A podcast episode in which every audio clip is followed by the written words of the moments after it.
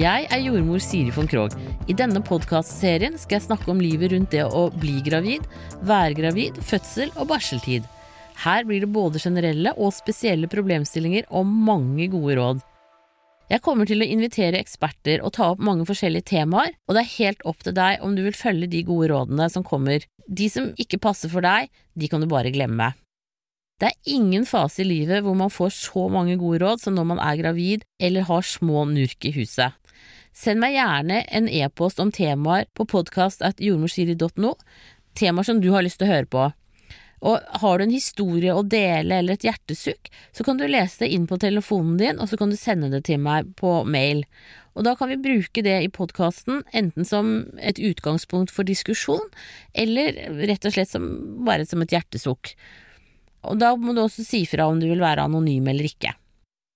Jeg har vært jordmor siden 1990, og jeg har vært på nett siden 2000, og jeg har svart på mer enn 50 000 spørsmål. Ved føde og barsel på Ahus har jeg tatt imot flere enn 700 barn. Som jordmor i svangerskapsomsorgen har jeg jobbet i Bergen og i Oslo. For tiden er jeg IA-jordmor på forskjellige arbeidsplasser der jeg møter gravide og deres ledere for å se på hvordan man kan tilrettelegge slik at den gravide kan jobbe lengst mulig opp mot termin. Men hovedjobben min er jo selvfølgelig å være jordmor på altformamma.no. I denne første podkasten skal vi snakke om det å bli født. Hvordan barnet opplever fødselen. Ikke bare mor og far, men barnet. Og med meg til å snakke om det har jeg Ote Imhoff, som jobber i Barnas fysioterapeut. Og du finner henne på barnasfysioterapeut.no, og bor du i østlandsområdet, så kan du komme til henne og få behandling med barnet hvis man har behov for det. Men hun har mange gode og kloke tanker, så det er det vi skal snakke om i dag. Hvordan liksom hvordan opplever barn å bli født, og hva slags uttrykk har barn for sin opplevelse? Ja, takk skal du ha, Siri. Vær så god. Det er jo mitt yndlingstema å snakke om, og som jeg syns er så viktig å få med seg. Også barnets perspektiv i en fødsel. Mm. For jeg Man passer godt på mamma, man passer godt på pappa og på søsken og så videre, men hvordan har barnet opplevd det? Det har jo vært diskusjoner om en baby egentlig overhodet har smerte, ikke sant. Den diskusjonen er på en måte ferdig, det har man Det har man funnet ut at de har. De kjenner Man har funnet ut og vitenskapelig bevist ja, det har de. Men det var ikke så klart for noen år tilbake. Det, det måtte man diskutere og finne ut av. Og så, hva opplever en baby egentlig under en fødsel? Opplever de, Er de for liten? Kan de det, eller, pff, eller hva? Og, og det, det er også nå vitenskapelig opplyst og bevist om at en baby også faktisk har en egen opplevelse av sin fødsel. De har ingen bevissthet om sin fødsel, fordi det, det har de ikke ennå, en bevissthet.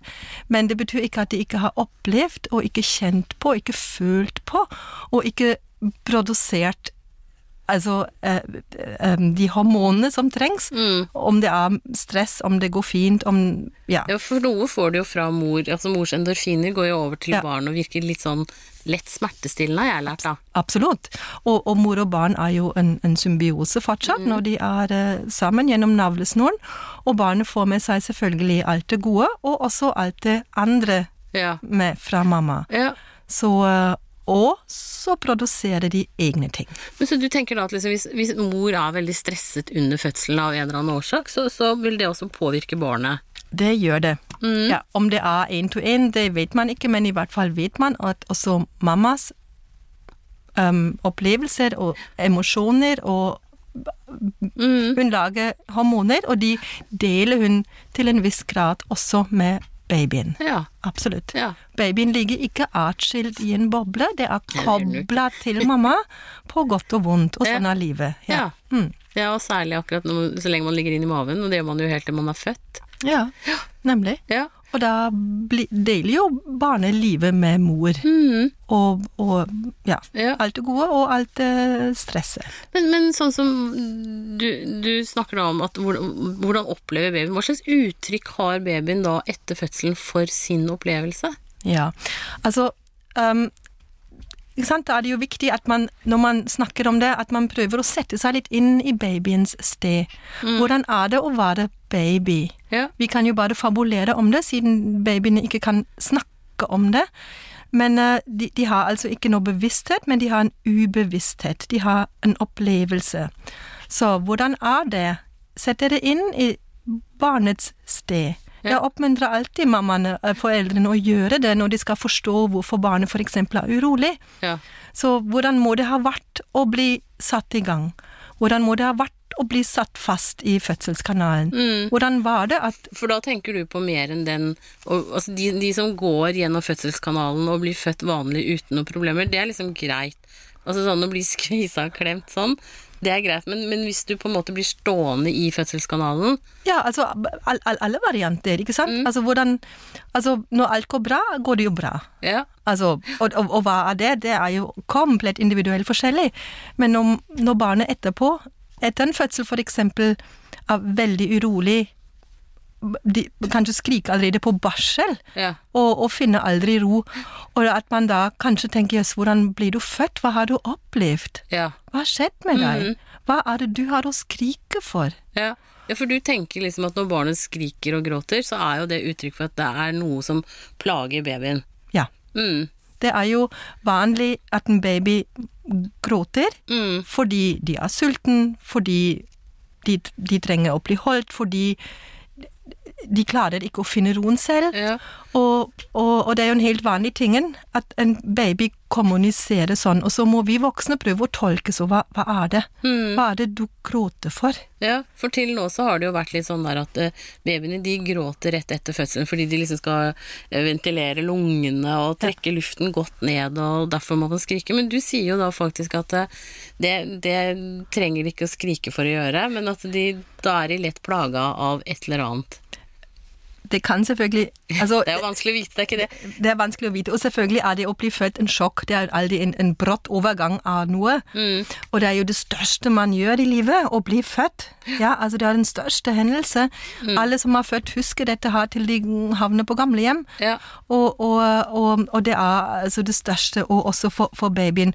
Og det er klart, da, da, da, da kan det bli det å åpne lungene og gråte og, skrike det ut, eller noe sånt. Men hvordan finner man roen igjen? Ja. Finner man roen igjen?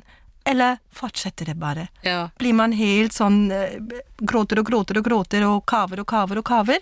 Eller er det mulig at i mammas armkrok finner jeg ro og kan slappe av, og på alt er bra? Ja, og nå legger du armene dine Ja. og kors over brystet ditt og liksom Nemlig. trøster et, en liten baby. For det også er du jo opptatt av hvordan, hvordan man kan trøste et urolig barn, da. Ja, nemlig. For har du opplevd en voldsom fødsel, ja, og da er det altså å sette seg inn i barnets sted, Mm. og da det er klart, og når det har vært en enorm anstrengelse, en sjokkartet fødsel osv., at man trenger trøst. Man, trenger, man trenger å bli roet ned. En baby er komplett avhengig av de menneskene rundt, og se når de trenger hjelp, og finne ro. Når de er i nød, at de ikke klarer å finne ro selv. Ja. At de trenger noen som hjelper, og sier du, alt er bra, nå er det over, nå er det bra. Aldri mer Ja. eller skjer noe sånt nå. Og jeg passer på deg, det går fint. Mm. Og der har jo du også snakket noe om hvordan det du kan ta liksom barnets armer, da. Ja. Eh, og, og legge barnets armer i kors over seg selv og liksom holde rundt og hjelpe barnet og holde seg selv litt også. Nettopp. Fordi når en baby er stresset eller i sjokk og eh, klarer ikke å finne roen, så, så skriker de, og veldig ofte ser det sånn ut at arm og bein vifter og veiver, og det går Ja. bakover, og de går i bru og i byer, og, og, og de er på, på en måte helt sånn trøstesløse, og at de, at de piler sånn bakover. Ja. Og beskytt, og, de, og da trenger de hjelp. Da trenger de at noen sier 'hoppla, du trenger hjelp', og finner ro. Ja. Og da er det jo da at man samler barnet inn i fosterstilling. Når de er så bitte små, inn i fosterstilling, der hvor de kom fra, hvor det var beskyttet, og gi hold og gi sikkerhet, beskyttelse, og det er alltid foran kroppen, og ikke bak. Ja. Og det er alltid egentlig også sånn at det er i en posisjon hvor man kan se hverandre. Ja. Hvor barnet kan se mammas ansikt som utstråler «Eh, 'jeg passer på deg', 'jeg Ja, ser du er i nød, jeg passer på deg'. ja. Og det gjelder jo også uh, pappaen. Og I forhold til at barnet kjenner jo igjen fars stemme eller Absolutt. kjærestens Ja. stemme, da. Men at man ser et ansikt som ser optimistisk ut, som ser ut 'jeg kan passe på deg', 'jeg skjønner at du har oppbrakt, og jeg hjelper deg å finne ro'. Ja. Og det er veldig viktig at man passer på det, at, at det er mulig at man kan hente seg den sikkerheten i ansiktet, for en baby er altså helt utrolig utstyrt med eh, sitt livs største um, tall av såkalte speilneuroner, altså det at man kan se ansikter og tolke ansikter. Å ja, er- allerede med en gang? ja, det er da det skjer. Under fødselen skjer det veldig masse helt spesielt, blant annet dette her med disse såkalte speilneuronene som man har oppdaget i 90-tallet. Og det er viktig, altså da, at, at man kan bruke det. Hei, barnet ser et optimistisk ansikt, det utløser faktisk at um, en beskyttelse, en sikkerhetsfaktor. Altså at man ser på hverandre. Mm. Ja, det er viktig at man ikke holder de bakover, nedover, bort fra seg, men sånn at man kan se hverandre. Mm. Og da er det jo viktig at, at, sånn som du sier det med mimikken Og det er vel også da du ser ganske tidlig at barn begynner å etterligne foreldrene. Ikke sant? Hvis du smiler, eller hvis du rekker tunge, eller Nemlig. Og Så det, har du, har du det samspillet, da. ikke sant? Og det har de jo helt fra bitte små, det er speilneuronene. Altså, de kan speile, de kan Ja, dette skjer jo ikke bevisst, det er en ubevisst tingen. Ja. Ja, Så det er liksom på en måte nærmest litt sånn instinkter som vi er utstyrt med fra starten, da. det er det. Det er det. Det er jo veldig interessant. Sant? Og vanligvis holder man jo barnet sitt eh, sånn i en avstand, i sånn ammeavstand, altså Ja. hvor, hvor, hvor man innstiller seg intuitivt riktig, Ja. at barnet kan se, og at det da egentlig er noe som beroliger og Ja, for det har jo også litt med hvor, hvor, hvilken avstand barnet fokuserer på, er det ikke det? Ja, Hvor de kan se klart på den Nettopp. avstanden. Ja. Så da tipper jeg at du kanskje ikke er så veldig for at mor eller far sitter med mobilen. Nei. Nei, for da er man jo ikke ordentlig til stede. Da er man jo ikke ordentlig empatisk. Mm. Da er man ikke myk og fin nok i reaksjonene Nei. når man da skal ordne noe på mobilen. Ja, ikke sant? Ja, det går Så den der ansikt-øyekontakten med barnet, det er superviktig. Det er superviktig. Og selvfølgelig er det når du har nyfødt baby, om det er allerede altså på fødestuen Det er klart, man stirrer ikke hverandre i øynene i, time, i, i, i, lenge, men man må ha mulighet. Mm. Korte øyeblikk. Ja. Det, det betyr noe. Ja, for det også handler vel noe om at barnet heller ikke har den konsentrasjonsevnen over Altså, du, du får noen sekunder øyekontakt, og så sklir de liksom litt bort igjen. Ja, men at de er der, at det er mulig. Mm. At blikkene kan møtes, at man kan hente seg sikkerhet, trygghet um, den informasjonen som ligger i blikkontakt, Ja. den er viktig. Mm. Jeg, har liksom lært sånn til og fra det med at eh, babyene de, de smiler som en refleks. Ja. Eh, fra liksom første stund, da. Så er det en refleks, og så går det noen uker, og så blir det ekte, Mm. på en måte. Hva, hva tenker du om det? Nei, altså det, det, um, det Ja, det er sånn, og det er jo at, at, uh, at når du ser inn i den babyen, når den smiler, så, bli, så smiler man tilbake. ja, Og så er man egentlig i gang, Ja. og har dette, dette fine samspillet. ja. Og selv om det er en refleks, så er det en, en god følelse. Det er en Ikke sant, så Det er forsterker man det. det er den, og du, du er velkommen, jeg blir glad å ha deg. Det, du, du utløser noe positivt i meg. Altså det, det er veldig mye positive signaler som sendes. Ja. Om det er noe ekte, ikke ekte.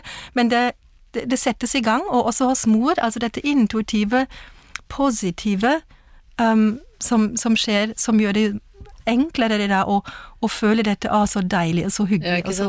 Man føler seg litt mer vellykket med en gang. Selvfølgelig, og det gjør vi jo alle. om vi, vi blir mer glad å se et smilende ansikt enn i et deppa ansikt. Ja. Så klart. Mm. Så klart. Og det er fra starten av, og da er det jo starten av dette her, er dette fine spillet.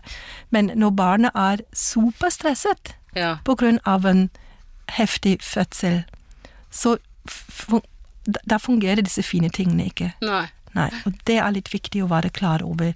Da må man hjelpe barnet inn i å komme inn i posisjon at de kan slappe av i den fine, i den riktige avstanden hvor man kan se på hverandre. Det også å pakke barna inn i teppet, sånn at de Mm. ikke slår ut med armene og, og, og på en måte uroer seg selv med sånne litt spontane bevegelser. Mm. Hva tenker du om det? Superbra. Ja. Kjempeviktig, spesielt når man vet at fødselen har vært heftig. Er jo det en mykere overgang fra livmora ut i den store verden. Ja. At de er pakket inn, at de har en, en grense. At de er avgrenset og ikke har med en gang den uendelige friheten som de egentlig ikke har oversikt over. Nei, ikke sant? Og, og, og når man ligger svøpt i en teppe med armene foran kroppen, så hemmer man den såkalte moro-refleksen, altså den skvetterefleksen, som er jo Ja. veldig lett utløsbar, spesielt når det har vært mye stress eller en, en, en sjokkartet uh, fødsel. Ja. Og da bremser man dette og, og, og stopper dette her, og det er jo kjempeviktig, fordi det er jo på en måte et fyrverkeri i kroppen som, som ikke er noe bra, altså. Som Ja. må dempes. Mm. Men, men sånn stresshormoner og sånn fra en fødsel, hvor lang tid vet du nå om hvor lang tid det tar før det går ut av barnet? At Ja. det liksom er på egen kjøl? Dette er jo veldig individuelt forskjellig. Det er komplett individuelt forskjellig. Det må man se hvor, hvor lang tid det tar. Ja. Dette er, kan man ikke si sånn, men du ser jo nå, i det øyeblikket barnet klarer å finne roen litt selv, da er det sånn at de kan Når de sover og, og de våkner langsomt uten å våkne i sånt hulskrik, eller at eh, når du tar barn når, når et barn gråter, og du tar det opp, og at din kroppskontakt roer barnet ned, at det skjer veldig fort, da vet du dette er ok. Men når du tar et gråtende barn opp, og de bare skriker og skriker og skriker og, og høyer og Ja. buer seg, da vet du hopla, de trenger masse hjelp å finne ro. ja. Jeg er jordmor Siri von Krogh, og du finner meg på nettsiden min altformamma.no. Jeg er på Facebook både med jordmor Siri for de som er gravide og venter barn, og så med Alt for mamma for de som har født og har små barn i huset. Og så er Alt for mamma på YouTube, og på Instagram så er det hashtag alt for mamma. Da er det jo mange som går og bærer barnet i, i forskjellige former for bæresele og sjal og, Ja. og sånne ting. Hva tenker du om det? Ja, altså i grunn og bunn er det bra å bære barnet sitt, men man må passe på at når man da har en gråtende barn og tar det inntil seg og har det kanskje i et eller annet bare tingen, at det viktigste er jo at barnet finner ro. Ja. Altså at man da ikke går trappa opp og ned, går en halvtime i dype knebøy, at man hva vet jeg hva man gjør, men at Ja. man da faktisk bruker det for å finne ro Mm, så, inn til mamma. ja. Ja. så sånn white noise og Å, nei. Altså, den vakreste stemmen for et barn er mammas og pappas. Ja. Og en white noise-stemme, hva er det for noe? Altså, jeg, jeg, jeg tenker det er en avledning, Ja. og jeg tenker for den tilknytningsprosessen er det det aller viktigste at mammas stemme signaliserer alt er bra, ja. og ikke en eller annen white noise-app. Nei, Um, for det er jo mange som bruker det i forhold til å få roet babyen, da. At, det, Ja, at de liksom at, de, at den blir brukt, men når du spør, så funker den roen som kommer, ofte veldig kort. Okay. På lang sikt fungerer det ikke. På lang sikt er det Har man ork som mamma det beste med sin egen stemme, med sin innlevelse til barnet, Ja. at man snakker med barnet 'Vet du hva, ja, ikke sant, det var tøft det vi gjorde, men nå er det bra, jeg passer på deg, Ja. jeg er der'. Altså det, dette empatiske, dette å være med barnet, dette fine, det kan jo bare en mamma gjøre. Ja. Er eh, en app, eller eh, disse, disse lydene, er jo en avledning og ikke en medfølelse. Nei, ikke sant, det er mer en distraksjon. En distraksjon. Barnet trenger forståelse Ja. trenger hjelp å komme videre, og ikke en avledning. Det samme når, når det finnes jo vippestoler med vib- vibrator, eller Mm. en støvsuger, eller en vifte, eller en føn, og alt mulig. Ja. Dette er jo avledninger. Det har jo ingenting med trøst å gjøre. Nei.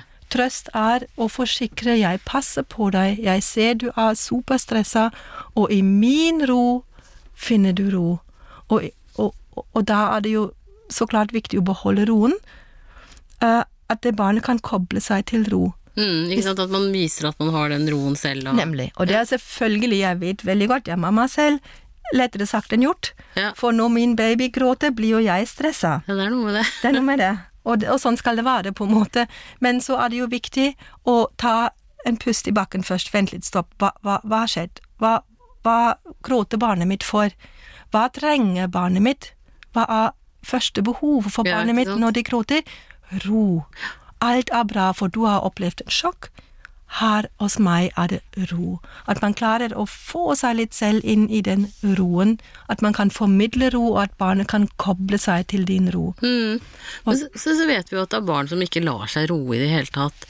Eh, da pleier jo jeg på nettpraten å si at send en mail til ute Eller vi bor i Oslo-området eller Lillestrøm, ta en tur til henne. Men hva, hva gjør du da? Mm. Altså, alle barn lar seg trøste på et vis, men det av og til føles jo sånn at ingenting hjelper. Man har prøvd alt, og ingenting hjelper, og så videre. ikke sant? Og så er man der og er superfortvilt og stressa. Um, så, og, og det første er jo Sett deg inn i barnets sted. Hvordan er det? Hva ville barnet fortalt hvis de kunne fortelle? Mm. Hvordan var alt dette her? Og hva hva, um, hva er barnets dypeste behov og, um, uh, for å finne ro? Mm. Altså, det er jo mammas ro, mammas, eller pappas da, forståelse for at ja, du har noe å gråte for. Mm. Og så kan det jo selvfølgelig være at når et barn gråter så masse, har gjort dette i mange uker, og de har buet seg og spent seg, at de er veldig ofte stiv som en stokk. Ja. Så når du har de, du, du ser det allerede når du kommer på venterommet, at de holder barnet som en pakke. Ja. For de klarer ikke, barnet klarer ikke å smuge seg inn til kroppen. Nei. Og da, da, da er allerede noe galt. Ja? Når de ikke klarer å, å, å virkelig smuge seg inn til og, og, um, og en fødsel, eller dette stresset etterpå med disse gråtetoktene, kan jo utløse at barnet faktisk blir veldig stiv. Altså det betyr når du har de barn de, de, Noen barn klarer ikke engang å ligge på ryggen. Nei. For de, de blir helt fra seg, og de, de virrer og veiver og vifter. Og du klarer på en måte ikke å krølle de, Nei. altså inn i fosterstilling. Nei. Og da kan man jo som terapeut hjelpe til at, at man mykgjør de små sånn kroppene. ja. For nå skal, alle barn skal jo ligge på ryggen nå, Ja, ja. småbarn. Sånn at de, de, men da tenker du liksom å hjelpe dem å finne roen Hjelpe også finne roen. på ryggen? Ja, nemlig. For noen barn klarer ikke det. Nei. Og da er det jo tegn allerede, yes, altså du klarer ikke å tilpasse deg underlaget. Nei. Så hva, hva er det for noe? Og da kan jeg som fysioterapeut ha en del redskaper som kan hjelpe å løsne det som er så stiv i kroppen. Mm. Og så, når dette har skjedd, for det er forholdsvis enkelt å gjøre det som Ja, for det er, liksom, det er ikke de store behandlingene som skal til? Nei, det er veldig enkelt. Det er softe, myke teknikker som er veldig effektive. Um, at man etterpå da må passe på hvordan trøster man barna. Altså når de stresser, når de um, når de har eh, piler bakover, at man da tør å holde de og samle de og beskytte de, at ikke de går i disse buene og trigger seg tilbake. Mm. For, for da lærer du opp foreldrene da, på hvordan de Hvordan skal, skal trøste. eh, trøste Eller sånn, ja, holde barnet sånn at det ikke går tilbake i den bakovervendte buen og Nettopp. blir stiv igjen. For det skjer ganske fort hvis man ikke forstår hvordan man skal trøste barnet. Ja, Og alle som har hatt en gråtende baby i armen, vet hvor mye kraft som er bak. ja, ikke sant? Helt enormt. Og hvis dette går rett i kroppen til barnet, så får man jo klippekort hos terapeuten, og det vil man jo altså ikke. Minst mulig behandle. Ja. Men, men eh, hvor, hvor gamle er liksom de yngste babyene du har behandlet? Nei, altså noen kom rett fra sykehuset, faktisk. Såpass, ja. Ja, hvor vi har disse samtalene når vi går gjennom fødselen, og hvor, hvor jeg forteller du hør nå, kanskje blir det sånn og sånn. Mm. Og når babyen din kan kanskje reagere på den fødselen som har vært, og da er det viktig at du beskytter, du gir sikkerhet, du beholder roen, du samler, um, du svøper. Altså med en gang altså at man er forberedt på at altså har det vært en dramatisk fødsel, må man regne med en reaksjon. Noen ganger tar det noen uker for barnet å reagere, ja. men at det kan skje, vanligvis skjer det. At man er forberedt og forstår at barnet trenger hjelp og mer Så, beskyttelse. men du ville da tenkt liksom, nå bare prøver jeg å lage noen sånne knaggere hengende på, at eh, keisersnitt, eh, rask fødsel, tang, vakuum, Mm. sånne ting, har man hatt det, så, så skal man liksom ha litt i bakhodet at hvis du da får et urolig barn etterpå, så kan det faktisk ha noe for seg å, å Ja. dra til en barnefysioterapeut og, og høre om det er noe hjelp å få. Ja, i hvert fall altså at, at man er klar over når sånne fødsler har vært med en gang Oi, den fødselen var med vakuum, den fødselen var en keisersnitt osv. Kom, ungen min, du, du trenger en ekstra, ekstra, ekstra dose kos. Ja, så du tenker at man bare begynner gang. automatisk med det rett etter fødselen? Absolutt. Ja, men det er jo kult. Det er ikke noe å lure på Ja. engang. Og det har vært noe sånt at man virkelig prøver alt man kan å pøse på med kroppskontakt. Ja. For kroppskontakt er jo smertestillende. Mm. Og da er man litt i forkant kanskje allerede av de store utbruddene. Ikke sant? Så um, For ikke alle barn reagerer med en gang. Nei, Ofte tar det noen uker, og så begynner de å skrike. Okay. Så dette gjelder jo nettopp keisersnittbarn, vakuum, prematurfødte barn. ja. Ja, Når de kommer hjem, det er da det skjer. Ja. På Og da handler det jo rett og slett også ofte om da at reaksjonstiden er litt lengre. Det handler jo ikke noe om at de fikk det dårligere når de kom hjem, Nei, nei. eller Nei, nei, nei. sånn. nei, Det handler liksom bare om det, så lang tid tok det for det barnet. Ja, nemlig. Ja, At ja det er jo veldig interessant, altså. Begynne å reagere på så hva har skjedd her. Ja. Hvor mye stress, hvor mye sjokk har man i kroppen, og at man da vet 'jeg må passe på deg'. Ja. Ja? For det er jo Den livs største hendelse har skjedd, Ja. Mm. og det var, gikk på liv og død ja, ikke sant? spørsmål. Ja. Sånt har man ikke til vanlig. Nei, nei, Så nei. det, det Det er heldigvis den ene gangen i livet. Ikke sant? Og, og så vet vi hvis det skjer liv og død opplevelser senere i livet, at man må passe på å beskytte, ikke sant? Ja, ikke og det sant? må man også på en baby, selv om de ikke har en bevissthet.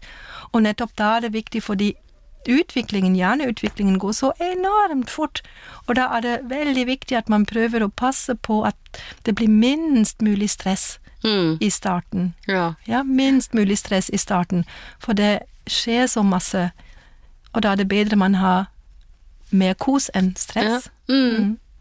Men sånn som jeg tenker sånn som du snakker om det med øyekontakt og de tingene der, så tenker jeg sånn, det er jo ikke alle som greier å amme, for eksempel. Mm. Men Da vil det jo være kanskje viktig å, å når du flaskemater, da, Ja. å ha omtrent akkurat den samme avstanden og, og opprettholde øyekontakt og Nemlig den nærheten som er der. At man Ja, prøver å etterligne mest mulig en ammeposisjon. Absolutt. Fordi det er, det, det er så mye mer enn bare mat. Ja, ikke sant?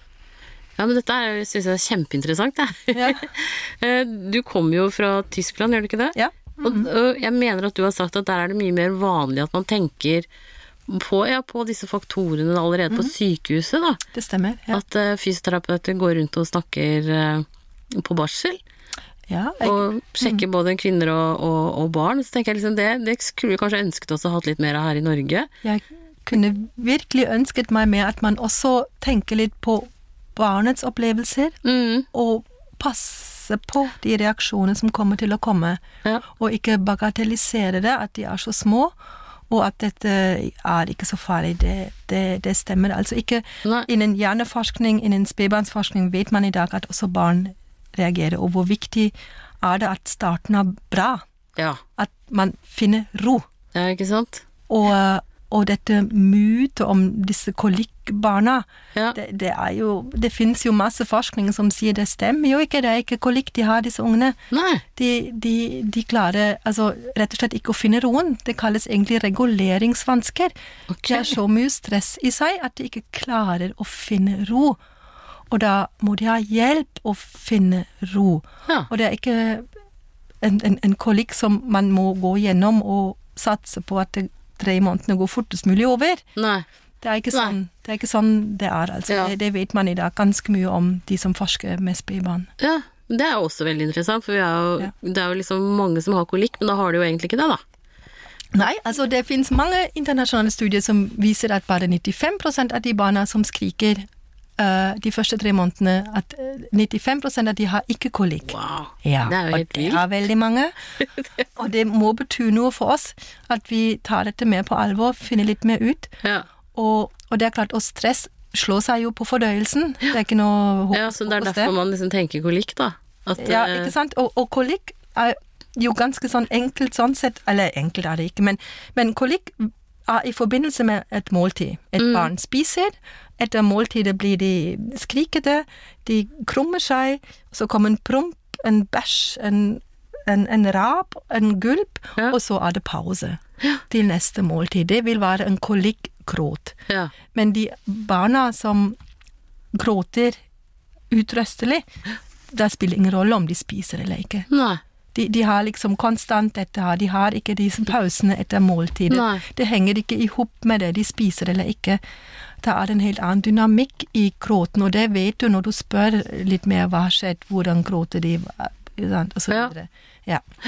Så det finnes en del um, ting du kan skille deg Ja. om det er kolikk eller om det er uh, noe annet. Og selv om et barn har kolikk, er det jo viktig at man passer på dem og trøster dem, og ikke overstimulerer dem i sine stresser dem enda kolikksmerter. mer. Nemlig. Ja. Men eh, har du linker til sånne undersøkelser ute på, på barnasfysioterapeut.no, som er nettsiden din? Ah. Eller kan du legge om det? Ja, det kan jeg prøve å få til. Jeg er litt sånn, ja, jeg er liksom teknisk ikke sånn. Men altså disse, det, det jeg refererer til, det er ting som jeg har fått med meg på kongresser i, i Tyskland og Sveits. Ja. Når jeg har vært der, hvor, kommer, hvor man kommer med sånne, sånne ting. Men jeg, ja da, jeg, skal kanskje bli flinkere å få det, få det ut. Ja. de, de, disse, disse studiene fins, de har ikke jeg funnet opp, de fins ordentlig. Men jeg kan se om jeg kan finne noen å linke til Ja. podkasten også. Men tusen takk, Ute. Dette her er jo kjempeinteressant. Jeg har lært masse nytt, jeg. Så bra. Så jeg gleder meg til neste samtale med deg også. I like måte. Tusen takk. Og da treffer du Ote Imhoff, og Imhoff treffer du da på barnasfysioterapeut.no. Eh, og du kan komme til henne hvis du har et barn som er urolig. Det gjelder ikke bare nyfødte og spedbarn, du kan komme til de er godt oppe i skolealder også. Noen eh, får ikke den hjelpen de skal ha tidlig, og da fortsetter de å bli plaga litt utover. Da ønsker jeg deg riktig lykke til videre, og husk å abonnere på denne podkasten, slik at du får varsel om nye episoder. Og opptakene er gjort hos Biovisjon Studios.